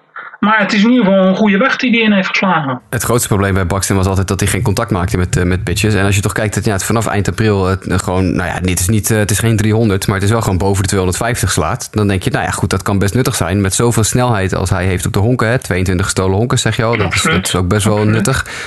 nou, die 10 home runs, ja, dat is een beetje natuurlijk scheef, want hij sloeg er gisteren drie. Dus ja, dat, de drie van de tien waren in één wedstrijd. Maar toch, ja, hij, heeft er, hij heeft er acht dubbels bij genoteerd. Nou, dat is ook over een heel seizoen niet zo heel superveel. Maar toch een, speler, als hij op het honk komt en honken kan stelen, uh, dan komt de rest vanzelf. En defensief natuurlijk eh, sowieso altijd al fantastisch met die ongelofelijke snelheid van hem. Dus ja, de, de, de doorbraak van Byron Buxton is misschien niet eentje zoals Hoskins die in twee weken plaats heeft gevonden, maar die meer verspreid is over een paar maanden, denk ik. Ja, ja nee, dat ben ik zeker met je eens. En ik denk ook dat, wat ik net al zei, ik denk dat er nog meer in zit voor hem. En dat die groei gewoon stapsgewijs nog wel een tijdje door kan gaan. Ja, hij is natuurlijk ook nog heel jong. Dus uh, we, kunnen nog best wel wat zien van uh, uh, Byron Buxton. Um, Even weer een kort dingetje buiten het honkbalveld. Want een paar weken geleden melden wij dat Ken Rosenthal, echt iedere honkbalvolger kent zo ongeveer Ken Rosenthal wel. Want dat is een beetje de, een van de ja, top honkbalscribenten in de Verenigde Staten. Werkte heel lang voor Fox Sports. En toen besloten ze bij Fox Sports om de stekker uit de schrijvende kant van de website te halen. Het is alleen maar video, videocontent. Nou, uh, daar had Rosenthal op zich niet zo heel veel mee te maken. Dus die had zoiets van, nou, ik, uh, ik ga wel even via mijn Facebook blijf ik wel even publiceren voorlopig. Dus hij, heeft, uh, hij werkt nog wel voor de televisie, maar doet ook zijn schrijfwerk dan via Facebook. En begin deze week kwam er buiten dat hij uh, bij een andere organisatie is ondergebracht. En dat vind ik persoonlijk erg prettig, want Ken Rosenthal is gewoon echt een ontzettend goede journalist en uh, weet, weet verschrikkelijk veel uh, van, van het spelletje. Uh, en die vertrekt nu naar start-up bedrijf The Athletic. Uh, The Athletic is een. Uh, ik, ik, ken ze toevallig al een, een, paar maanden en ik volg ze al een tijdje. Ik ook. Omdat, ik, ook. ik vind het goed. ja, het is een goed, het is een goed medium. ze zitten nog niet. Ze zijn begonnen, ik geloof, in Toronto en Chicago. Dat was, je had de Athletic Chicago en de Athletic Toronto. En daar zijn nu, geloof ik, Bay Area, New York en nog een plaats bijgekomen. Uh, dus die zijn aan het uitbreiden. Die zijn heel klein begonnen. Echt een start-up bedrijfje waar die, die een paar goede journalisten eerst in Chicago al weggekocht hebben bij andere, of weggehaald hebben bij andere organisaties. Uh, James Vegan van de Sweet Spot blog van ESPN is erheen gegaan, onder andere. En uh, Shahad Sharma, dat is de Cubs Watcher van, uh, van een van die andere organisaties daar, die is naar de Athletic gegaan. Dus ze hebben overal een beetje uh, ja, zitten zoeken van, we willen zoveel mogelijk mensen uit de, de, andere, van de, de andere organisaties gaan halen. En nu hadden ze dus, ja, Ken Rosenthal was eigenlijk gewoon een free agent. Dus ze hoefden er niet eens zo gek voor te doen. En Ken Rosenthal gaat dus nu werken voor The Athletic. En dat vind ik een heel positieve ontwikkeling. Want ik, ja, ik vind de, de manier hoe The Athletic journalistiek bedrijft, sportjournalistiek bedrijft, erg prettig. Ik ook, absoluut. Absoluut, dat is ook echt een aanrader voor de mensen die het nog niet kennen. Zeker eens kijken. Ook als je geen, uh, geen uh, banden hebt met teams uit de betreffende regio's, toch even kijken hoe zij het aanpakken. Het is, uh, ja, ik, ik ben echt positief hierover. Ja, het is geen gratis, uh, geen gratis dienst. Mochten mensen denken van, hey shit, nou moet ik betalen. Ja, inderdaad, je moet betalen. Ik geloof dat het iets van uh, 5, 5 dollar per maand of zo kost als je dat zou willen. Uh, een aantal artikelen kan je gratis lezen. Maar je kan in ieder geval een goed idee krijgen over uh, ja, wat ze eigenlijk aan doen zijn daar. Zowel hun website, die Athletic, is erg in orde. En hun apps zijn ook zeer de moeite waard. Ik heb dan een Android-telefoon, dus ik heb de Android-app. En die ziet er schitterend uit. En ja, dat werkt gewoon heel erg prima. Dus voor de mensen die iets dieper uh, Amerikaanse sporten in willen duiken. Ze doen alles. Ze doen Amerika voetbal, uh, zelfs uh, Major League Soccer.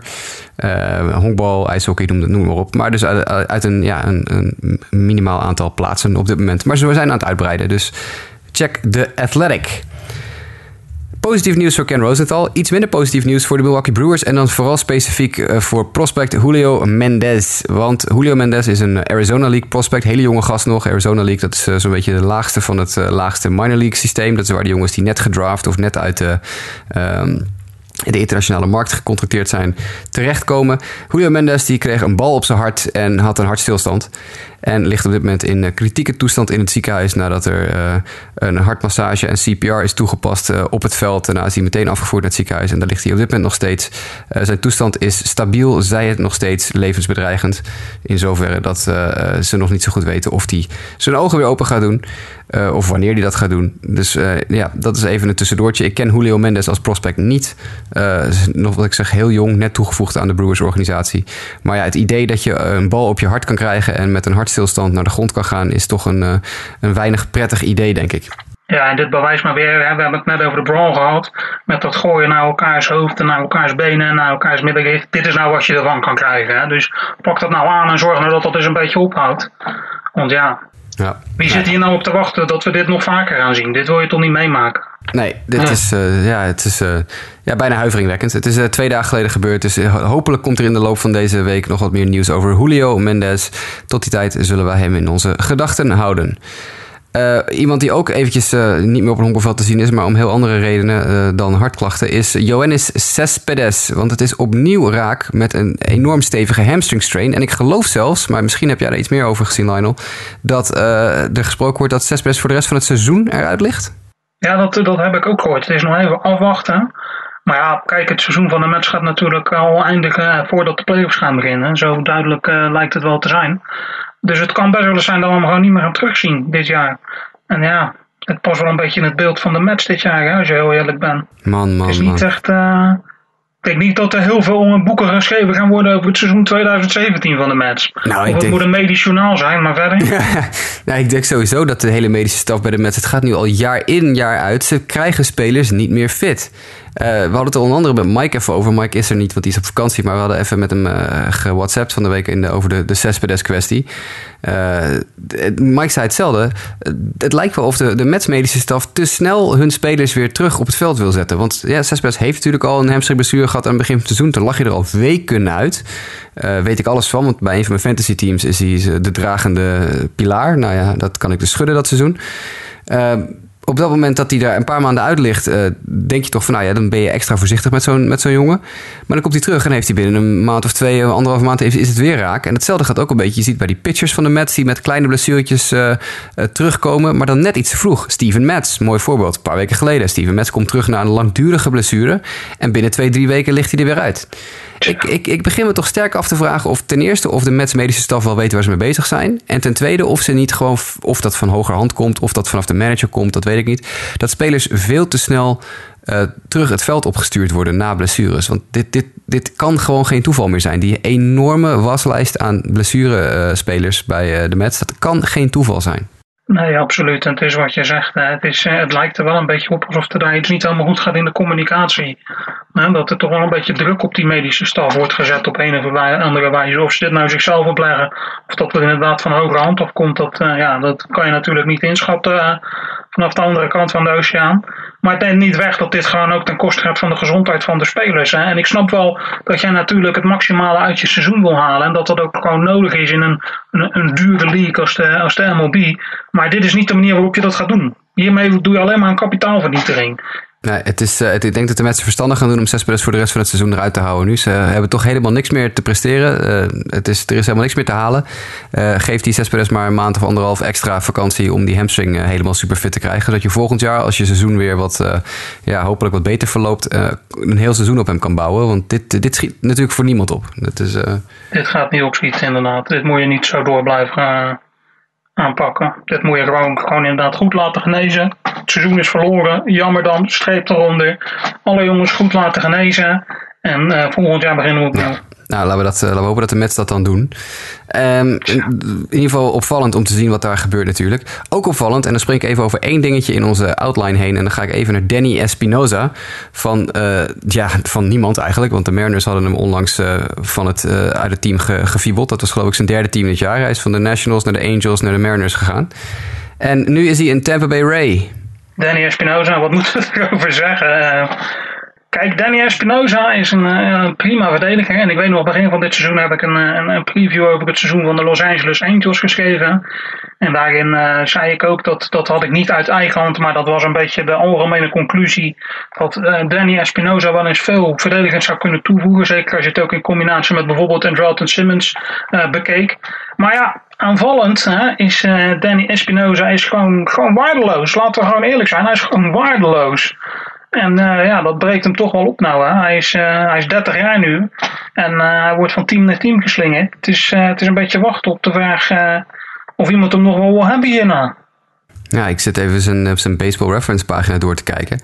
hij is dus gewoon in 2011 nog zesde geworden in het Rookie of the Year klassement. En dat was niet eens zo heel indrukwekkend. Want ik zit naar die stats te kijken en hij sloeg 2,36 dat jaar. Nou, daar word je niet heel super vrolijk van. Nou ja, het was volgens mij nog een van de beste seizoenen ook. Dat was een van zijn beste seizoenen, ja, ja. Hij voerde toen de majors aan met 19 keer geraakt werpen. Hij had 19 keer een bovensodomieten gehad. Uh, en had 17 gestolen honken. Dat was dan nog wel aardig. Maar ja, hij had 21 home runs. Dus ja, dat, dat is een beetje de, de, het verhaal Danny Espinosa, denk ik. Heel veel power, maar voor de rest helemaal niks. Hij is in zijn hele carrière niet boven de 2,47 uit geweest. Dat was in 2012, het jaar na zijn rookie year. Toen voerde hij de majors aan in strikeouts. Uh, en toen het jaar daarna sloeg hij 158. Het jaar daarna sloeg hij 219, 240, 209. En dit jaar slaat hij tot nu toe 165. ik, ik, ik, ik, zie ook zo'n baseball reference pagina hier. Hij is vooral goed in geraakt worden door pitches, hè, zie ik. Ja, 1, 2, 3, 19, 4 13, seizoenen 12, waarin ja. die gewoon in de dubbele cijfers terecht is gekomen. Vorig jaar 20 keer. Echt, hè? Dan duik je zo'n beetje voor de bal uh, in plaats van dat je ja. met je knuppel naar zwaait. En dan sta je er wel bovenop inderdaad, ja. ja, nee, uh, OPS nooit boven de 7,37 uit geweest. Nou, dat is natuurlijk... Ja, dat, dat, is, dat is, daar word je niet heel vrolijk van. Uh, ik denk dat het tijd is dat Danny Espinosa zijn, uh, zijn handschoen aan de wil gehangt en er een eind aan breidt. Want ja, nou ja, goed, aan de andere kant, zolang teams hem nog een kans blijven geven, ik zou ook doorgaan tot ik niet meer verder kon.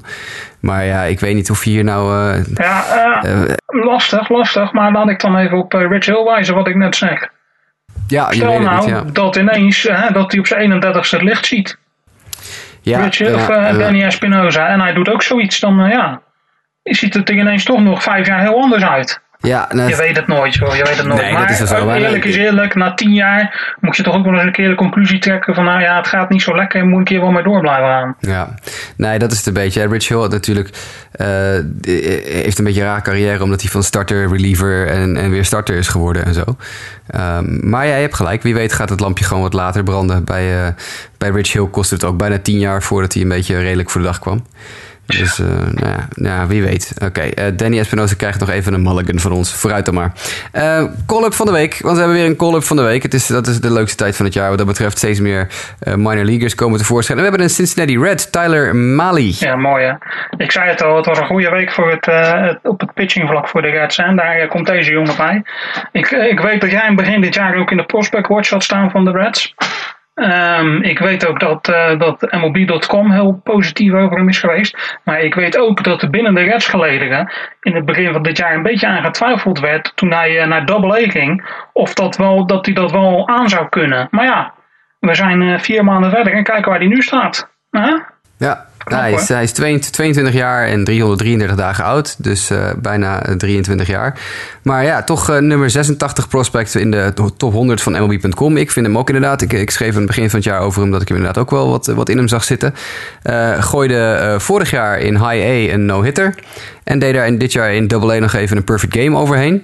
Uh, dus dit is wel een jongen die kan pitchen hoor. Had een, een ERA van 2,06 in de minors op dit moment. Tot, zijn call-up. Whip van 0,96, onder de 1 dus. En 138 strikeouts en 144 innings. Dus dit is wel een jongen die denk ik een ontwikkeling doormaakt... waar Reds fans positief over kunnen zijn. Absoluut, echt. als je kijkt naar deze week met Romano, met Stevenson, met deze Mali, met Castillo op pitching vlak is er, is er best wel reden om enthousiast te zijn bij de Reds. Nee, absoluut. Absoluut. Nou, zeker als je ziet dat hij, het is een, een, een zevende ronde draft selectie. Dus niet inderdaad echt een, een, een, een, een can't miss prospect. Het, ja, vanaf, vanaf ronde vijf of zo wordt het altijd een beetje ja, gokken. En ik denk dat de Reds hier nog best wel een aardig gokje hebben gewaagd. Ja, absoluut. En ik vergeet nog, we hebben natuurlijk begin van dit jaar zijn we heel positief geweest over Amir Garrett. Hè? Die een beetje naar de achtergrond is of, uh, verdwenen. Maar uh, op pitchingvlak zijn er gewoon veel goede jonge jongens die best wel wat kunnen bieden. Ja, ik ben, uh, ik ben nog, nog enthousiaster over deze Tyler uh, Mali dan ik over Amir Garrett was. En ik was ook enorm kapitein van de SS Amir Garrett. Maar nee, deze, deze jongen zie ik nog veel leukere dingen doen. Dat wil ik dus... wel geloven. Ik was niet zo positief over Amir Garrett, zoals je misschien nog weet. Ja, dat klopt, ja. ja. Ik zei dat het hooguit de nummer 3 pitcher was. En ja, daar sta ik eigenlijk nog steeds achter, hè? Ja, de, de, op dit moment, als je naar hem kijkt, dan zou het nog mooi zijn als hij nummer 3 starter wordt. Maar, ja. dat is, maar, maar ook daarvoor geldt, hè, misschien gewoon volgend jaar een, een jaartje achter de rug in de majors en dan gaat het allemaal beter. Absoluut. Ik hou maar, hoop. ik ben benieuwd ook naar, naar deze Mali, ben ik ook heel benieuwd. Absoluut. Nou, nou call-up van de week. van harte gefeliciteerd, Tyler Mali. Uh, dan hebben we nog één uh, dienstmededeling voor het einde van ons MLB News en Notes blokje. En dat is dan vooral voor de luisteraars die uh, geen MLB TV abonnement hebben. Ik ga ervan uit dat bijna iedereen dat wel heeft, want ja, je, moet toch, je wilt toch de, het een beetje volgen. Maar stel je voor, je hebt geen MLB TV nog. MLB TV is op dit moment in de aanbieding in Amerika voor 9 dollar en 99 dollar cent voor de rest van het seizoen. En volgens mij is dat ook inclusief playoffs en World Series. Dus mocht je het willen uitproberen en heb je nooit zoiets gehad van, uh, nou, ik ga er veel geld aan besteden. Het kost 120 dollar per seizoen. Nou, er komt er nog wat Europese tax overheen. Dus het is voor ons allemaal uh, ja, iets, iets prijziger. Ik geloof dat je op de 100, weet ik veel, 130 uitkomt of zo. Uh, euro. maar stel je voor, je wilt het een keer uitproberen. Het kan nu, want het is 9 dollar en 99 dollar cent voor de rest van het seizoen. Dus uh, denk eraan, mocht je het dan niet willen houden, moet je even uh, cancelen voor het, eind van, voor het begin van volgend seizoen. Want de renewal zit altijd in uh, begin maart, zo'n beetje. Maar nu is het misschien een, een, mooie kans om het even uit te proberen. 9,99 bij MLB.com voor MLB TV. Ja, ik zou het zeker doen voor zo'n prijs. Ik ja. zou het normaal ook doen, maar mocht je het niet hebben, dan is 9,99 voor de komende 2,5 maand is absoluut geen geld. Nee, precies. Ik heb altijd zoiets gehad van, nou ja, kijk, ik heb al, weet ik veel, 13 jaar MLB TV, maar ik kan me goed voorstellen dat het toch best wel een, uh, een aardige chunk uit je, uit, je, uit je wisselgeld is. Ik heb uh, zelfs in mijn studentenperiode, waar ik af en toe de crisismacaroni met de, met de boterhammen met boterhamworst aan elkaar reeg, altijd 120 euro apart gelegd voor MLB TV. Dus ja, dat... Ja, dus Wat ik me nou afvraag, hè? ik weet niet of jij dat weet, maar MLB TV streamt zo nu en dan een wedstrijd op op YouTube. Hè? Heb je dat wel eens bekeken? Ja, YouTube, Facebook, uh, Twitter, uh, Yahoo heeft af en toe een wedstrijd. Nou, ik, vraag, ik, vraag, me af hoeveel mensen op die manier hun wedstrijdjes kijken. Nou, blijkbaar is het uh, de moeite waard, want MLB blijft uh, de, de, de lijntjes uitleggen met nieuwe streaming services om ja. te kijken of ze. Uh, dus ja, misschien, misschien heeft, ja, hebben ze daar plannen mee in de toekomst. Maar uh, ja, stel je voor, je wilt toch. Uh, dan, dan, ben je, dan ben je aan de gratie van de MLB overgeleverd welke wedstrijd je kan zien. En stel je voor, je Klopt, wil je ja. eigen team volgen. Of het is nu spannend, het is de playoff race voor heel veel teams. Uh, dus wie weet, ben je een Yankees-fan, wil je ook wel eens zien wat de potentiële tegenstanders in de wildcard-wedstrijd voor de Yankees doen. Dan kan dat nu voor 9,99. MLB.com zou mij moeten betalen voor deze promo. Wij worden niet gesponsord door MLB.com, maar wij zeggen dit oprecht omdat wij denken dat dit een goede deal is voor mensen die nog geen MLB TV hebben. Dus dan kan je eventjes een beetje Absoluut. kijken. En dan kan je ook nog, speciaal voor de Just a Bit Outside luisteraars, kan je bij Justin Kevenaar een uh, heel ingenieus systeem vinden hoe je alle teams in het jaar kan zien. Ja. Vraag me niet om het uit te leggen, want dat kan ik niet, maar Justin kan dat wel. Dus mocht je het willen weten, mail Justin, tweet Justin en hij legt je zijn systeem uit hoe je alle teams ongeveer evenveel kan zien in een jaar. Ja, dat is echt een fantastisch systeem inderdaad. Hij heeft een soort roulatiesysteem waardoor hij inderdaad elke dag of elke week uh, er zeker van is dat hij teams ziet die hij nog niet eerder gezien heeft. Dat is echt uh, dat is de moeite waard. At JWKF voor de mensen die hem daarover willen spammen. At uh, MLB of mlb.com slash tv of mlb.tv als je een abonnementje wil afsluiten. Tot zover alle gekkigheid. want we hebben nog één langer segmentje gaan. Want we gaan het even hebben over TV-ratings.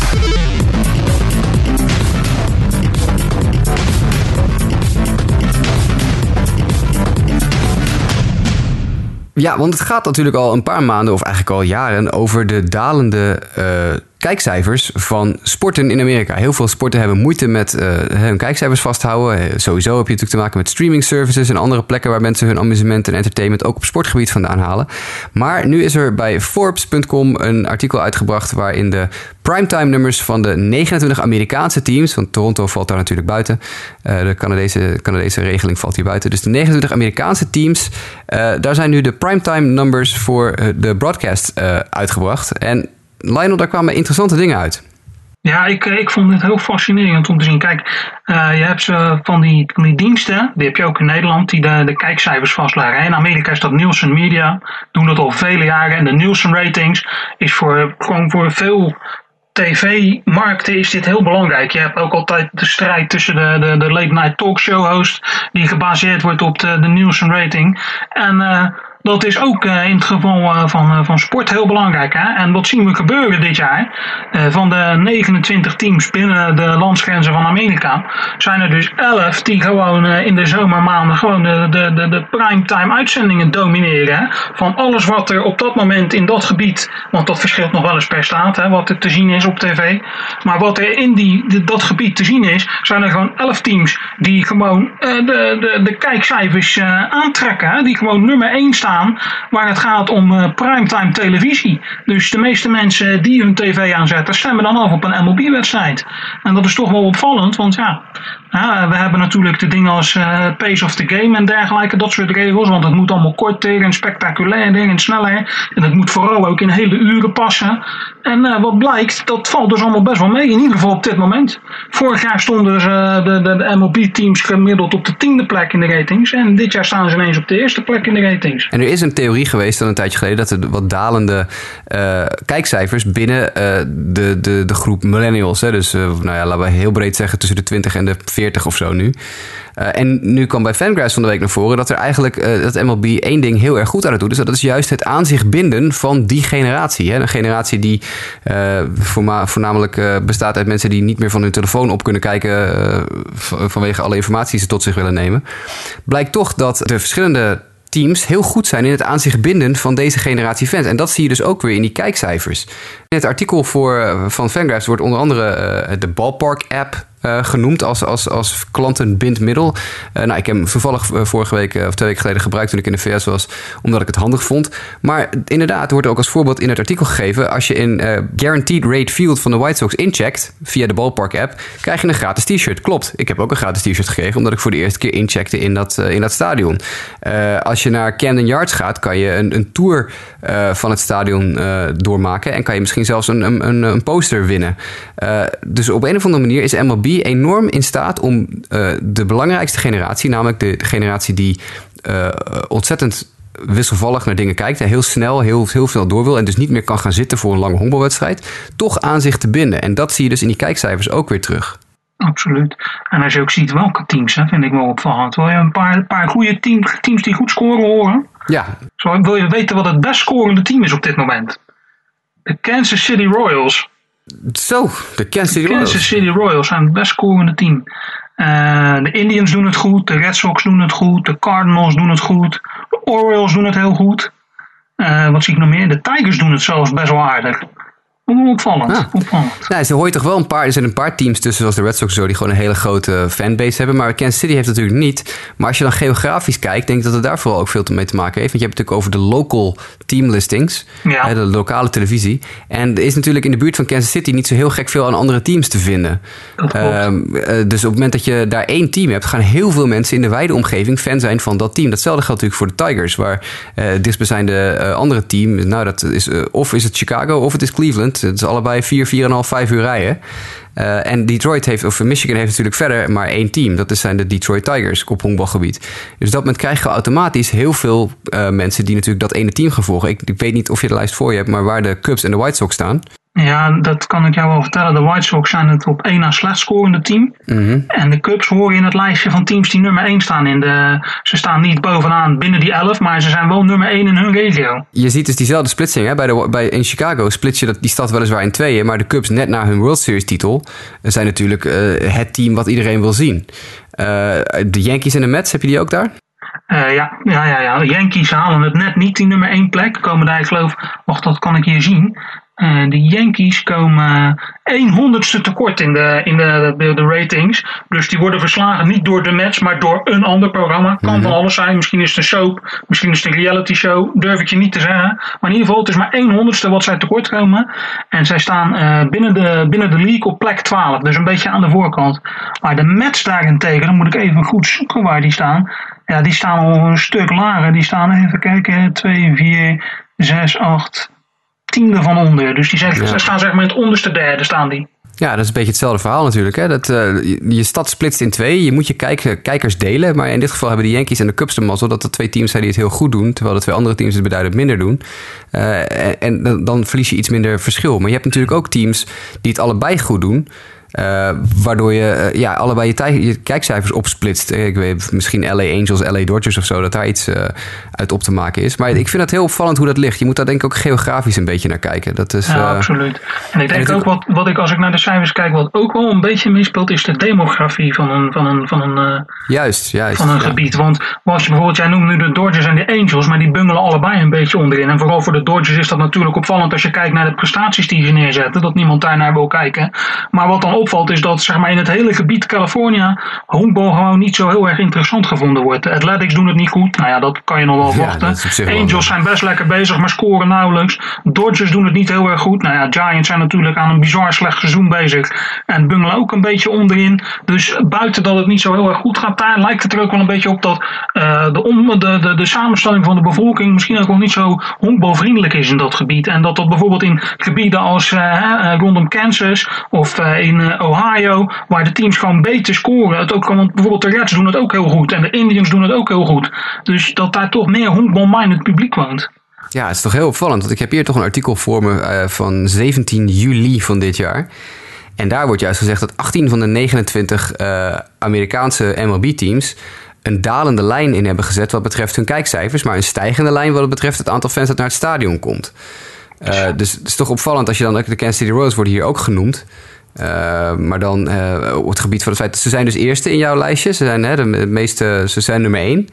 Eh, maar ze hebben wel een 37% daling in hun kijkerschap. Ja, ongelooflijk hè? Dus is, moet je nagaan hoe ontzettend veel dat dat dan geweest is. In dit geval voor de Royals. Logisch, want die hebben net natuurlijk een World Series titel gewonnen twee jaar geleden. Maar er zijn hele bizarre cijfertjes aan dit. Het is, eh, het is wel goed om te zien dat, dat eh, losse MLB-evenementen ook steeds meer kijkcijfers trekken. Is steeds meer kijkers trekken. Want dit jaar was de, de Home Run Derby. Trok 8,2 miljoen kijkers. Nou, dat is natuurlijk een heel veelzeggende eh, ontwikkeling, denk ik, voor honkbal. Heel positief, denk ik, voor MLB. Absoluut. De, de uitzendingen van de MLB-games gezamenlijk zijn nummer 1 in het land. En waren vorig jaar, dan hebben we het over het jaar 2016, nummer 22 in het land. Ja, wauw. Dat is ongelooflijk, zeg. En wat ik dan denk, hè, ik heb het hier al eerder over gehad, ehm, is de weg van eh, pace of the game wel de juiste weg.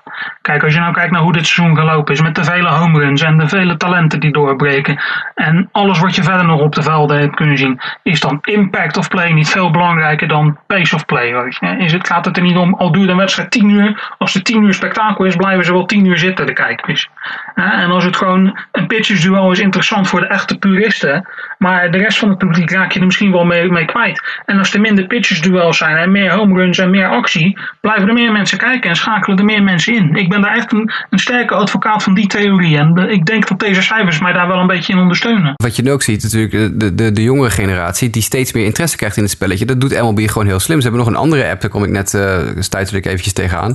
Heb nooit van gehoord, maar de, de app heet Infield Chatter. Niet uh, chatter als in de cheese, maar chatter als in uh, geklet, infield geklet. Uh, waar fans lid van kunnen worden en dan met andere fans foto's en video's kunnen uitwisselen. Maar ook bijvoorbeeld met echte daadwerkelijke honkbalspelers die ook door MLB een beetje geduwd worden in de richting van ga eens even naar de infield chatter app. Die dan bijvoorbeeld een Q&A doen via die app of een fotootje erop zetten als een soort van Instagram voor spelers. Dus ook dat is dan, komt nog bovenop de ballpark app die al heel erg goed is en waar je heel veel leuke dingen mee kan doen. Komt dit er nog een keer bij. MLB en alle teams hebben natuurlijk een heel erg grote Instagram uh, presence. Uh, ze zijn actief op eigenlijk alle andere so social media, maar Instagram is dan een van de grotere op dit moment. Dus ik denk dat ze ook een heel slimme zet hebben gedaan door zoveel mogelijk in te zetten op verjonging. Ja, absoluut, absoluut. Ik denk dat ik denk dat zij daar goed. En ook zo'n zo'n player weekend. ik ben er nog niet zo'n voorstander van. Maar ik denk dat dit soort dingen wel gewoon meehelpen. Om dit verder, uh, deze groei verder door te zetten. Ik denk dat dit wel heel erg belangrijk is. Nou, heel, heel, heel gaaf. Ik vind het mooi om te zien dat honkbal de, de, de goede weg ingeslagen heeft. Zeker in een, in een jaar waarin natuurlijk de, de nieuwsratings in, in Amerika de diensten uitmaken. Met al het bizarre wat er allemaal gebeurt in het nieuws. is het goed om te zien dat honkbal daar nog een beetje een, een soort stokje in kan meedraaien. Absoluut, absoluut. Dan gaan we het daar even bij laten, Lionel. We hebben weer in een in noodtempo hebben we de boel doorgenomen. Maar we zijn door het nieuws en door de notes heen. We hebben nog één dingetje te doen. Nou, kunnen we ook heel snel doen. Previews en series to watch. Waar ga jij naar kijken deze week?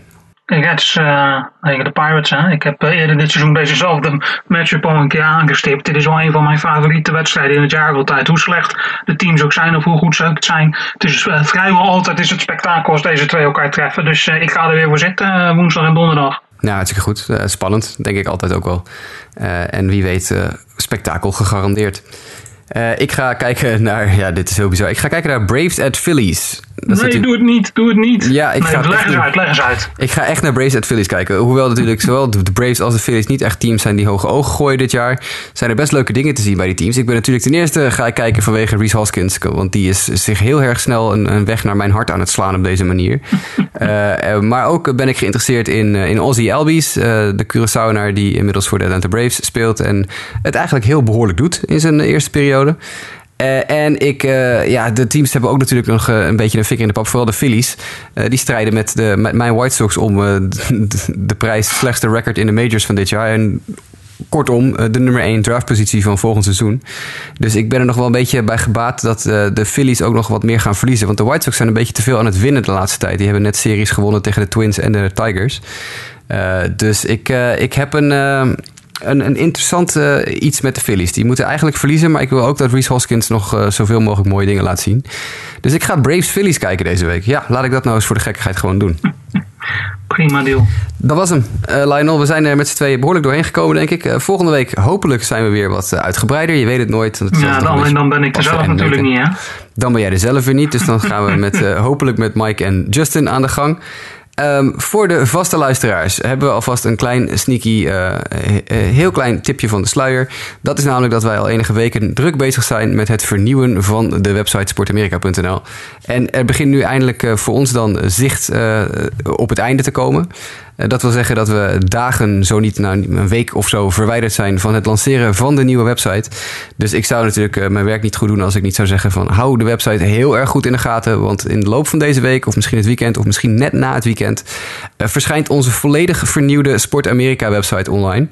En vanaf dat moment gaan we helemaal los. Dan gaan, er, ja, gaan we weer flink wat content maken. We gaan blijven uiteraard de podcast doen. We gaan misschien nog andere dingen doen op, in andere audiovisuele media gebieden. er komen weer wat schrijvers bij. We gaan weer meer artikelen publiceren. Kortom, we hebben grootste plannen met Sport Amerika. Maar de eerste missie is het volledig ombouwen van de website. Want dat was de website, laten we wel zijn, wel een klein beetje aan toe.